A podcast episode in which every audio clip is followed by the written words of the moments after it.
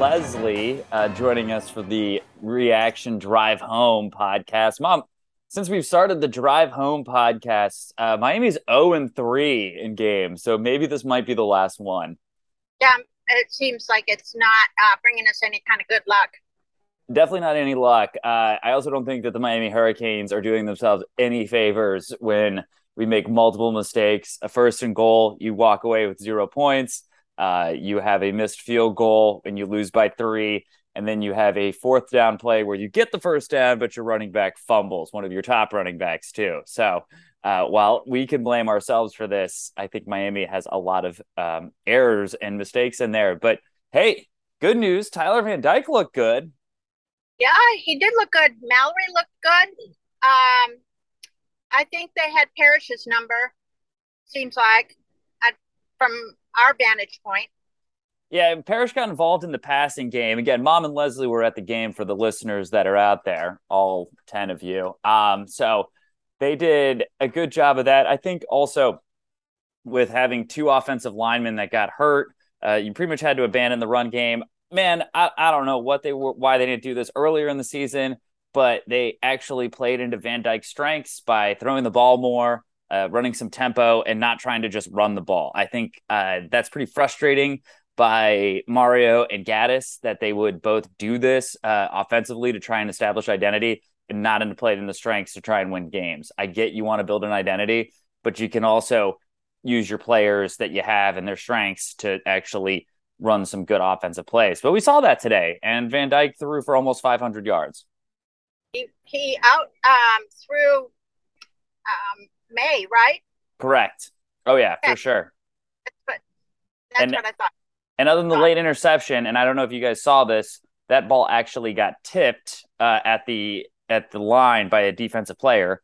Now we can get into the fact that they th- only rushed three defensive linemen and the ball got tipped still. That's frustrating, but I I still think that if he has a clean pocket and he throws that, it's a good chance that's either incomplete or not. Skinner not going out of bounds as a true freshman uh, really hurt them and rushed that play. That that didn't help to um, the play before the interception to end the game. So, um, anything good that you saw? Like I said, Van Dyke looked a lot better. It, he was great to see him. Uh, again, Miami can move the ball, they just can't score it when they need to.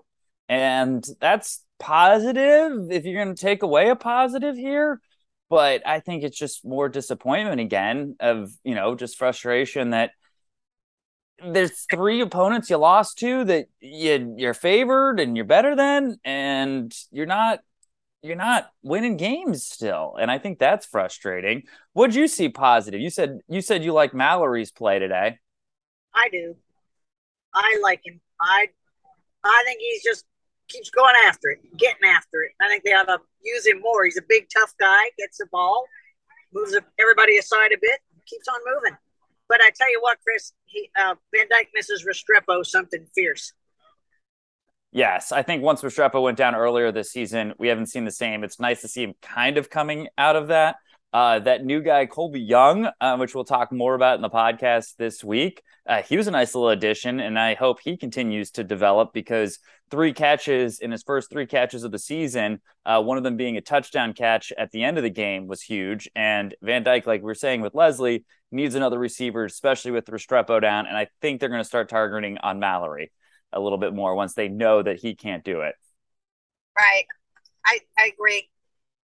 But uh, I thought, the, you know, I thought the game was a lot closer than I expected it to be. Uh, I saw, I saw some good plays, just couldn't, not enough of them.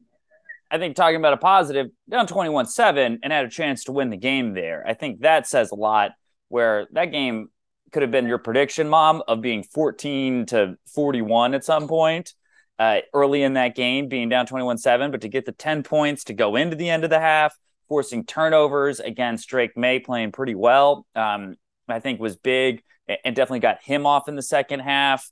And the Canes, the Canes had a chance, but again, it's just it's the mistakes. Uh, even Mallory, I know we were praising him, but he dropped that ball on third down that led to a fourth down timeout. So there was even more time off the clock at the end of the game um, because we didn't have that third timeout.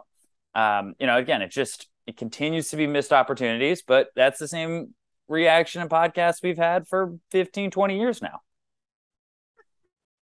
Well, okay. Well, that's our uh, post game summary.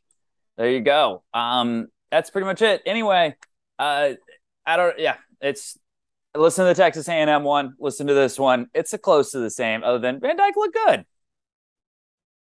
Yeah, and and we had a, and we had hot dogs. There we you go. Hot, last year we we didn't have hot dogs. This year we had hot dogs. And and that's a huge positive there. So, mom, I'm sorry that the Canes you did two games this year and didn't see a win in either of them. Um, Not so sorry as I am. it's fair. That's that's yes. fair. I don't have anything else other than that, but I'll let you guys go so you can be safe on your drive home. Have a good evening. Okay. All right. Hey, go Canes, I guess. Go Canes. for sure.